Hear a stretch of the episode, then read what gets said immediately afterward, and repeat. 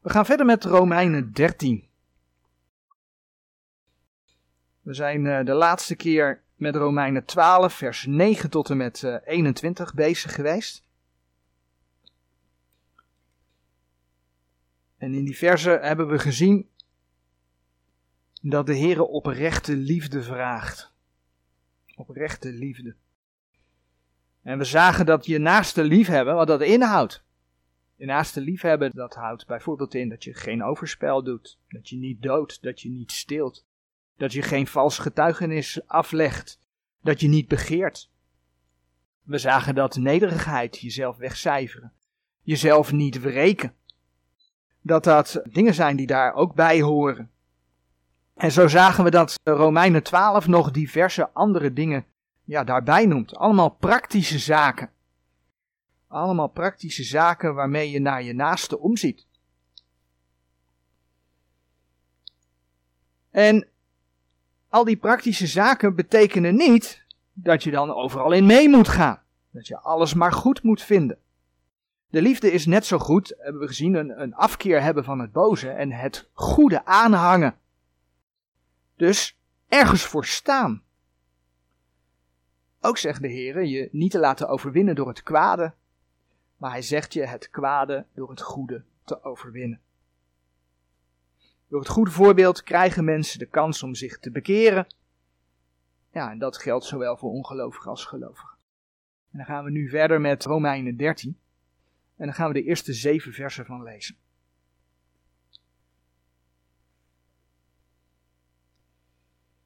Alle ziel zij de machten over haar gesteld onderworpen.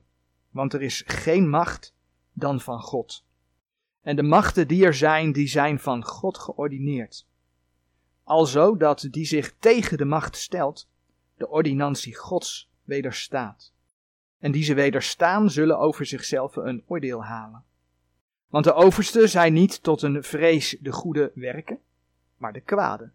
Wilt gij nu de macht niet vrezen, doe het goede en gij zult lof van haar hebben.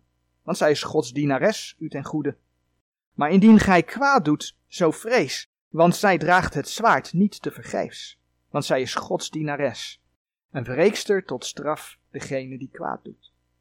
Daarom is het nodig onderworpen te zijn, niet alleenlijk om der straffen, maar ook om der conscientie wil. Want daarom eh, betaalt gij ook schattingen, want zij zijn dienaars Gods in ditzelfde geduriglijk bezig zijnde zo geef dan een iegelijk wat gij schuldig zijt, schatting, dien gij schatting, tol, dien gij tol, dien gij den tol, vrezen, die gij de vrezen, eer, die gij de eer schuldig zijt.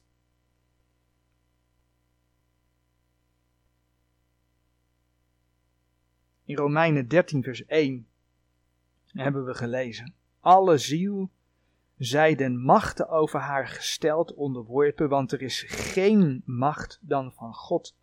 En de machten die er zijn, die zijn van God geordineerd. Het gaat hier in de eerste plaats niet om geestelijke machten, want die zijn er ook, maar het gaat om aardse machten. Romeinen 13, vers 3 spreekt over oversten.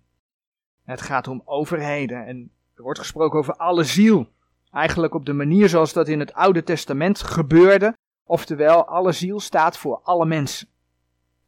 En dat betekent dat de Heere God zegt dat iedereen, alle mensen, de overheden onderworpen, gehoorzaam behoren te zijn. En de reden wordt in dat vers genoemd, ze zijn van God. Ze zijn van God geordineerd. Geordineerd, dat betekent dat de Heer ze heeft ingesteld. Een aantal andere versen daarbij is 1 Petrus 2, vers 13 tot en met 15. 1 Petrus 2, vers 13 tot en met 15.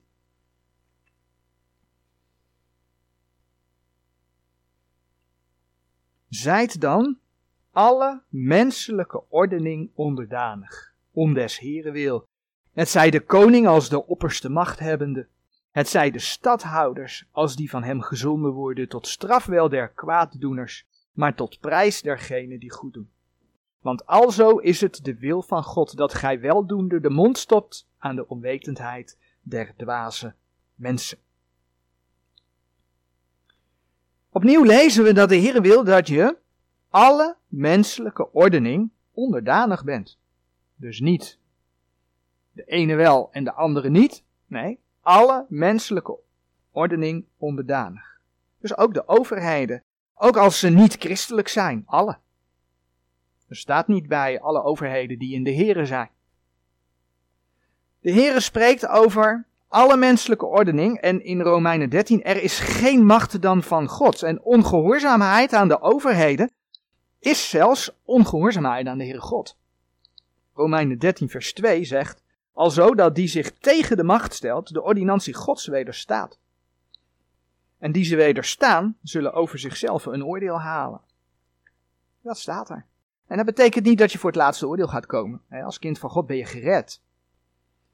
Dus als wederomgeborene kom je daar niet. Het gaat niet over het laatste oordeel. Maar in Romeinen 13, vers 3 en 4 lees je. Want de oversten zijn niet tot een vrees en goede werken, maar de kwade. Wilt gij nu de macht niet vrezen, doe het goede, en gij zult lof van haar hebben. Want zij is Gods dienares u ten goede. Maar indien gij kwaad doet, zo vrees. Want zij draagt het zwaard niet te vergeefs, want zij is Gods dienares. Een wreekster tot straf degene die kwaad doet. Met andere woorden, als je de overheid niet gehoorzaamt, dan krijg je straf. En God zegt, dat is terecht, want je hebt niet gehoorzaamd. En dus is het zelfs zonde. Het is zelfs zonde ten opzichte van de Heere God, omdat je de ordinantie Gods wederstaat. Maar ja, je ziet de foto's al op de dia. Dat geeft je wel een dilemma. Hè? Dat geeft je wel een dilemma, want hoe zit dat nu? Kijk in deze tijd om je heen en zie dat de overheden alles behalve het woord van God naleven. Denk aan premier Mark Rutte die het World Economic Forum volgt. Dat God logent. Denk aan president Biden van de Verenigde Staten die er alles aan doet om Sodom en Gomorra het nieuwe normaal te maken. om het maar even over het nieuwe normaal te hebben. En uh, dat geldt natuurlijk niet alleen voor president Biden, want alle machthebbers en alle regeringsvertegenwoordigers zijn daar tegenwoordig zo'n beetje vol van. Hoe zit het dan met die versen in Romeinen 13, vers 3 en 4? Want daar staat toch, want zij is Gods dienares, u ten goede. Hoe zit dat dan? Nou, de vraag is dan, moeten wij de overheden alleen onderworpen zijn als zij Gods dienares is? Die vraag gaat eigenlijk al niet op, want God zegt dat alle machten van Hem zijn. Maar goed. Moeten wij de overheden alleen onderworpen zijn als zij Gods dienares is? Of misschien moet ik de vraag dus anders stellen. Moeten wij de overheden alleen onderworpen zijn als wij vinden dat zij Gods dienares is? Het punt is namelijk dat de Heer zelf zegt dat Hij die overheden ingesteld heeft. Hij spreekt over alle. En Hij zegt dat ze van Hem zijn. Hoe kan dat dan? Ik heb net een paar voorbeelden genoemd. Hoe kan dat dan? Feit is dat de Heer in zijn woord laat zien dat hij de duivel de macht heeft gegeven de koninkrijken van de aarde uit te delen. Als we naar Lucas bladeren, Lucas 4.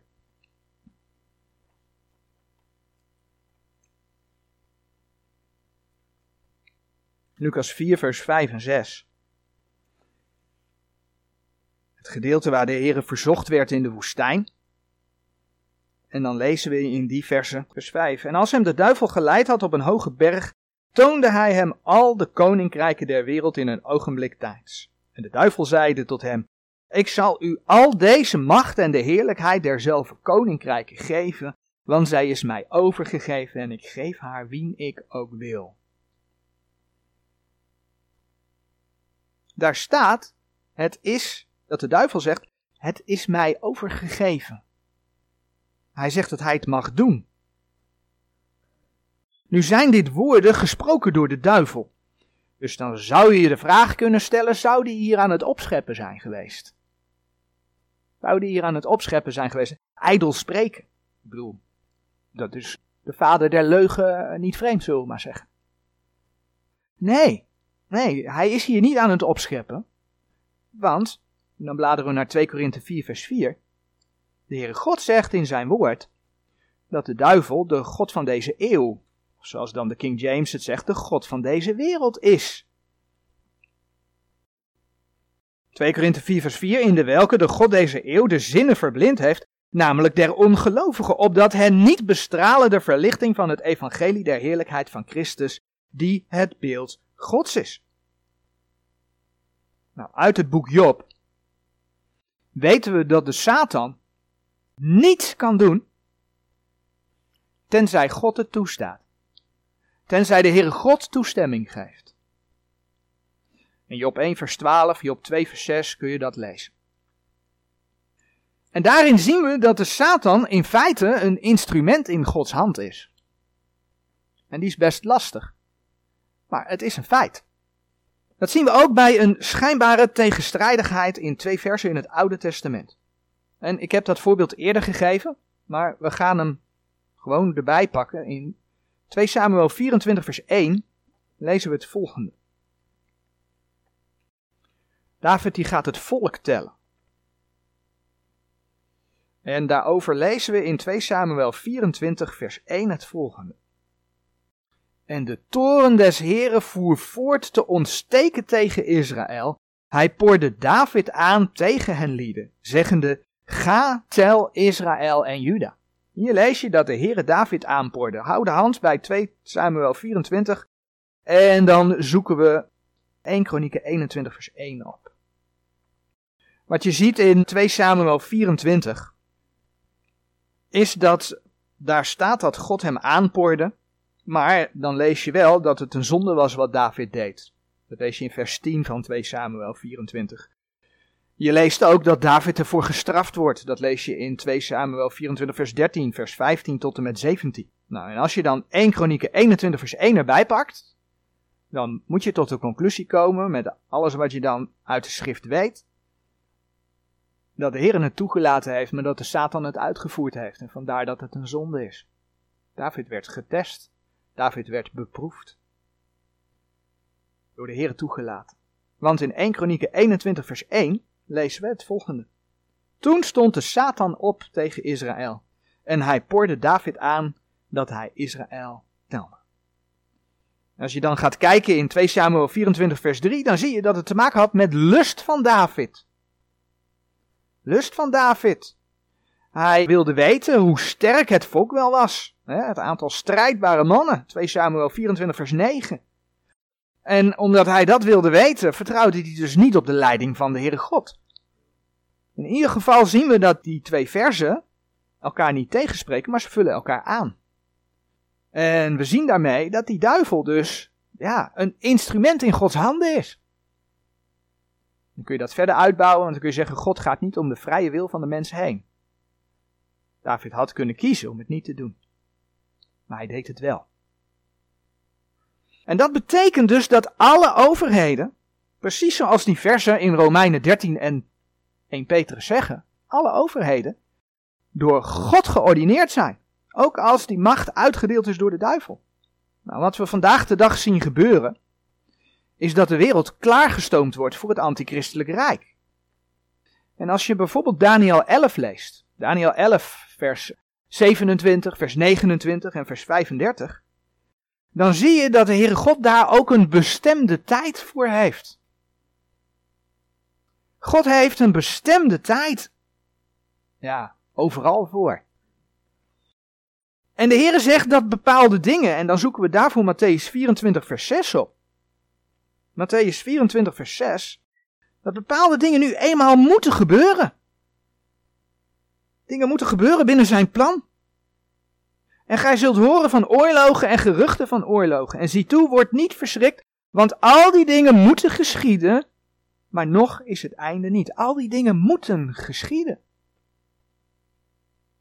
Moet gebeuren. Maar ja, wij zijn verwend, onze geestelijke oortjes zijn gekieteld en gestreeld door jaren van boodschappen over Gods liefde. Waardoor we niet kunnen zien dat God ook toren is. Die grote verdrukking die over de aarde gaat komen, dat is Gods toren die over de aarde gaat komen. Dat is niet de toren van de duivel, dat is Gods toren. Maar die Satan, die antichrist, speelt daar een rol in. En het is de Heere die het toelaat. Dus de Heere stuurt zelfs leiders die hem niet dienen. Zo staat er van de heidense koning Kores, geschreven in Jesaja 44 vers 28,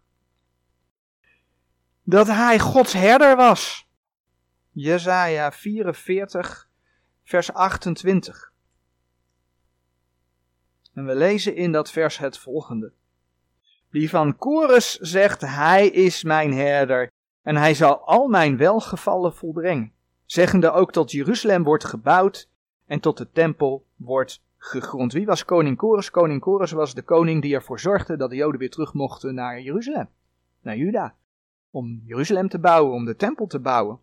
Dat lees je in 2 eh, Kronieken 36, vers 22 tot en met 23 en Ezra 1, vers 1. Zo wordt Nebukadnezar, dat is een positief voorbeeld, hè, want die koning die stuurde om te bouwen. Maar God heeft Nebukadnezar tegen Israël, tegen Juda, tegen Jeruzalem opgezet, Jeruzalem laten innemen, omdat Israël zondigde. En wat zegt God over Nebukadnezar in Jeremia 25 vers 9? Je zult er maar geleefd hebben in die tijd. Maar God zegt dat Nebukadnezar zijn knecht was. Laten we het maar even lezen in Jeremia 25 vers 9. Jeremia 25 vers 9.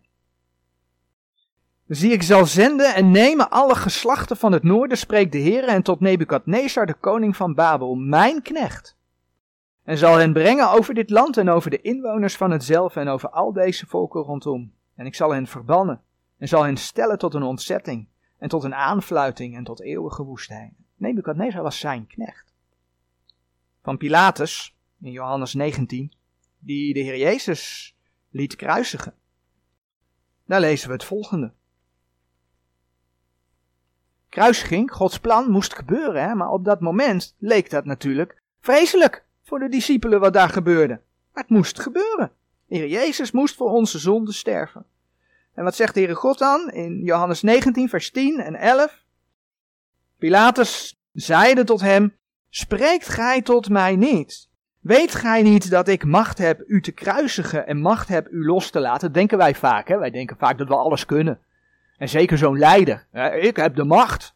Ik ben belangrijk. Moet je kijken wat de Heer Jezus hem antwoordt. Gij zoudt geen macht hebben tegen mij, indien het u niet van boven gegeven was. Daarom die mij aan u heeft overgeleverd, heeft groter zonde. De Satan mag dan de koninkrijken uitdelen, maar uiteindelijk is het de Heer die toelaat. En de Heer die ook de heidense ongelovige leiders stuurt. En zo is het ook vandaag de dag. Maar hoe gaan we daar dan mee om? In principe zijn de overheden, dan komen we terug bij Romeinen 13.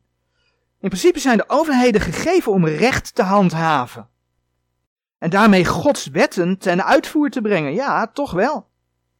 En Romeinen 13, vers 3 en 4 zeggen dat eigenlijk. Mensen die doden en mensen die stelen, gewoon hè, twee voorbeelden. Mensen die doden en mensen die stelen, die worden gestraft. Dat behoort het goede te zijn wat de overheden doen. En God wil niet dat er gedood wordt. En daarmee handhaven zij dus Gods wetten. En dat gebeurt zelfs in meer of mindere mate onder slechte overheden. Simpel voorbeeld: verkeersregels. Verkeersregels zijn er om de orde te handhaven. Daar heb je als christen gewoon aan te houden. Het voorkomt chaos, het voorkomt ongelukken. Doe je dat niet, dan ben je strafbaar. Dan ben je strafbaar voor de Nederlandse overheid, maar je hebt de regels overtreden, dus Gods woord zegt, ja, jij bent strafbaar. Dat is terecht, want je hebt niet onderworpen aan de regels die voor jou gelden. Dat is volkomen volgens Gods woord. En ja, dat gaat nog verder. Dat maakt zelfs dat de doodstraf, Romeinen 13 vers 5, dat de doodstraf volgens Gods woord opgelegd kan worden door de overheid. Op grond van Gods woord. Het is een juiste straf indien, volgens Gods woord, een moord gepleegd is. Leviticus 24 vers 17 laat het zien. Handelingen 25 vers 11 zegt Paulus zelf van, nou, indien ik strafwaardig ben, dan weiger ik niet te sterven. Handelingen 25 vers 11.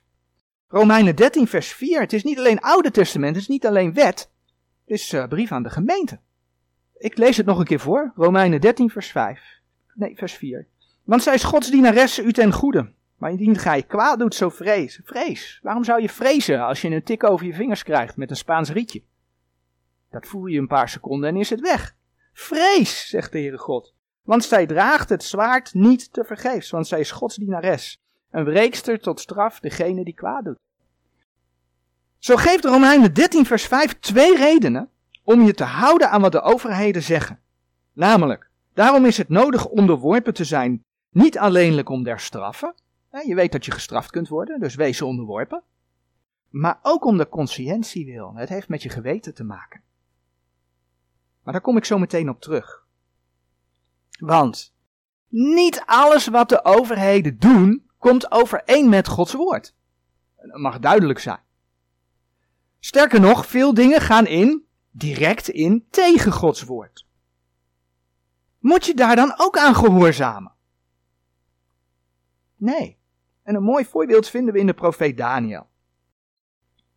Daniel. Juda werd op een gegeven moment in ballingschap meegenomen. Het was een oordeel van de Heer over het zondige volk. Maar wie waren daar ook bij? Daniel 1 vers 6. Daar waren bij de profeet Daniel, Hanania, Misael en Azarja. Zij werden meegenomen naar Babel. En dan lezen we in Daniel 1 vers 7 dat ze andere namen kregen. Daniels naam, dat betekende God is mijn rechter, maar hij werd Beltsazar genoemd. En dan ging die notabene de naam van een afgod dragen. Beltsazar betekent mogen Bel het leven van de koning beschermen. Daniel 1 vers 4 vertelt dat ze onderwezen werden in de boeken en spraak der Galdeeën. Dus ze werden helemaal ondergedompeld in de wereld. Nou, dat Daniel daar tot op zekere hoogte in meeging, dat blijkt wel uit het feit dat toen Darius aan de macht was en de andere vorsten en stadhouders het niet zo op Daniel hadden en een plannetje tegen hem wilden bedenken, ze konden geen fout in hem vinden. Ze konden geen fout in hem vinden. In Daniel 6 vers 5, daar staat geschreven, toen zochten de vorsten en de stadhouders gelegenheid te vinden tegen Daniel vanwege het koninkrijk. Maar zij konden geen gelegenheid noch misdaad vinden, terwijl hij getrouw was en geen vergrijping noch misdaad in hem gevonden werd. Ze konden Daniel niet pakken. Hij was getrouw. Ja, en toen gingen ze wat anders bedenken. Want ze wilden hem toch pakken, hè? Dus ze gingen een plannetje maken wat met zijn God te maken had, vers 6. Zo bedachten ze het plannetje dat gedurende 30 dagen niemand een verzoek tot een God of een mens mocht richten dan alleen tot de koning. Vers 8. En in Daniel 6, vers 11 lees je wat Daniel deed. Ging die inderdaad alleen nog maar aan de koning vragen? Nee. Daniel ging gewoon voor het open raam. Gewoon voor het open raam ging hij in gebed. Precies de tijdstippen die hij anders gewend was. Dus Daniel gehoorzaamde zijn God. Het gebod ging in tegen Gods woorden en Daniel gehoorzaamde zijn God. En het gevolg, de overheid heeft het zwaard. Het gevolg van deze gehoorzaamheid aan God boven de mens is dat Daniel in de leeuwenkuil geworpen werd. Daniel 6, vers 17.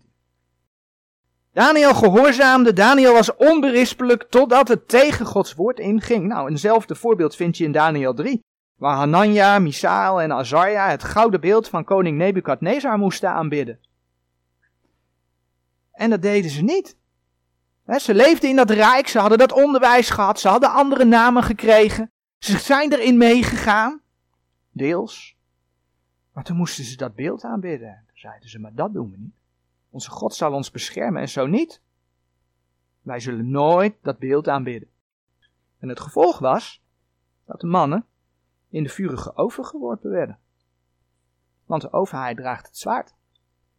Zo laat de Heer ook in het Nieuwe Testament zien dat je niet hoeft te gehoorzamen op het moment, en dan bladeren we naar Handelingen 5, dat wat gevraagd wordt tegen Gods woorden ingaat. In Handelingen 5, vers 29. Daar lezen we. Maar Petrus en de apostelen antwoorden en zeiden: Men moet goden meer gehoorzaam zijn dan mensen. Nou, daar kun je ook bij opzoeken Handelingen 4, vers 19 tot en met 20. Er staat eigenlijk hetzelfde in. Dus ook onder slechte overheden heb je gewoon onderworpen te zijn. Tenzij deze je vraagt, of dwingt, om tegen Gods woord in te gaan. Maar dat heeft dus wel de consequentie dat je gestraft wordt door die overheid. Denk aan Daniel in de leeuwenkuil, denk aan die drie mannen in de vurige oven. En bij hen liep het goed af, dat klopt. We wisten ze ook niet van tevoren. Daniel, toen hij in de leeuwenkuil geworpen werd, wist niet dat God hem daaruit zou halen. En dat wisten die drie mannen in de vurige oven ook niet, tot het moment dat ze dat natuurlijk merkten, dat ze het vuur ingingen en hé, hey, er gebeurt niks. Maar je leest in de Bijbel dat het met anderen anders afloopt. Ik bedoel, over Jacobus lees je in Handelingen 12 vers 2 dat hij met het zwaard gedood werd, waarschijnlijk onthoofd. En uh, van Johannes de Doper lees je in Matthäus 14 vers 10 dat hij onthoofd werd. Die werd ook opgepakt, omdat hij iets predikte wat Herodes niet zinde. En hij werd onthoofd. Ja, en bij dat alles moeten we bedenken dat toen Paulus en Petrus deze versen schreven, het Romeinse keizerrijk aan de macht was. En die keizers die vervolgden, onder andere was Nero. Tijdens hun schrijven was Nero aan de macht. En Nero was een van de meest vreselijke keizers die de meest vreselijke dingen met christenen deed was een massale christenvervolging. En dan moet je eens kijken, hè, en dan toch schreven ze Romeinen 13 en 1 Petrus 2. En dan moet je eens kijken wat die Petrus in 1 Petrus 2 vers 17 zei. 1 Petrus 2 vers 17. Dat is zo makkelijk lezen in een wereld als Nederland, hè, de afgelopen, nou voor corona zeg maar, zo makkelijk lezen. Tijdens dat Romeinse keizerrijk zei Petrus, door de Heere God geïnspireerd, eert een iegelijk heb de broederschap lief, vreest God. Eert de koning. Eert de koning. Als we denken aan het lijden van de profeten en de apostelen, dan past hier de opmerking: als je lijdt, lijdt dan niet als een kwaaddoener, maar lijdt als een christen. En datzelfde 1 Petrus 2 zegt vanaf vers 18 het volgende. En dat gaat over huisknechten, maar dat kun je dus ook in het groot binnen de maatschappij bekijken ten opzichte van de overheid. Gehuisknechten, zijt met alle vrezen onderdanig de heren, niet alleen de goede en bescheidene, maar ook de harde. Want dat is genade indien iemand om de conscientie, om het geweten, voor Gods zwarigheid verdraagt, leidende ten onrechte. Vers 20. Want wat lof is het indien gij verdraagt als gij zondigt en daarover geslagen wordt. Maar indien gij verdraagt als gij wel doet en daarover leidt, dat is genade bij God. Dus genade bij God is niet als je een moord gepleegd hebt en daarvoor terecht de doodstraf krijgt, maar genade bij God is als jij gedood werd omdat je het evangelie van Jezus Christus verkondigd hebt. Dat noemt God genade. Maar dat is dus genade. Je hebt een getuige mogen zijn voor Jezus Christus. En dat heeft dus te maken met een stukje getuigenis. En het doet je getuigenis geen goed, en dan hou ik het maar weer even bij het simpele voorbeeld. Als je de verkeersregels overtreedt, dat is niet goed voor je getuigenis. Daarentegen is het juist een getuigenis als je in je geloof stand houdt en om de Heer Jezus, om Gods woord opgepakt wordt en leidt. En die kant gaat het in deze maatschappij op. Dat zie je. Dat zie je gebeuren. Ook Matthäus 17, vers 25 tot en met 27 over het betalen van de tempelbelasting. Matthäus 17, vers 25 tot en met 27 over het betalen van de tempelbelasting is veelzeggend. Hij zeide ja, en toen hij in huis gekomen was, voorkwam hem Jezus, zeggende: Wat dunkt u, Simon? De koningen der aarde, van wie nemen zij tollen of schatting? Van hun zonen of van de vreemden? Petrus zeide tot hem: Van de vreemden. Jezus zeide tot hem: Zo zijn dan de zonen vrij. Maar opdat wij hun geen aanstoot geven, ga heen naar de zee, werp de angel uit en de eerste vis die opkomt, neem en zijn mond geopend hebbende, zult gij een stater vinden. Neem die en geef hem aan hen voor mij en u. De Heere wil dus dat je geen aanstoot geeft. Dat heeft met je getuigenis te maken. En Paulus bevestigt dat. Dat zijn de laatste twee versen van Romeinen 13. In Romeinen 13, vers 6 en 7. Want daarom betaalt gij ook schattingen want zij zijn dienaars Gods, in ditzelfde geduriglijk bezig zijnde. Zo geef dan een iegelijk wat gij schuldig zijt, schatting die gij schatting, tol die gij tol, vrezen die gij vrezen, eer die gij de eer schuldig zijt. Amen.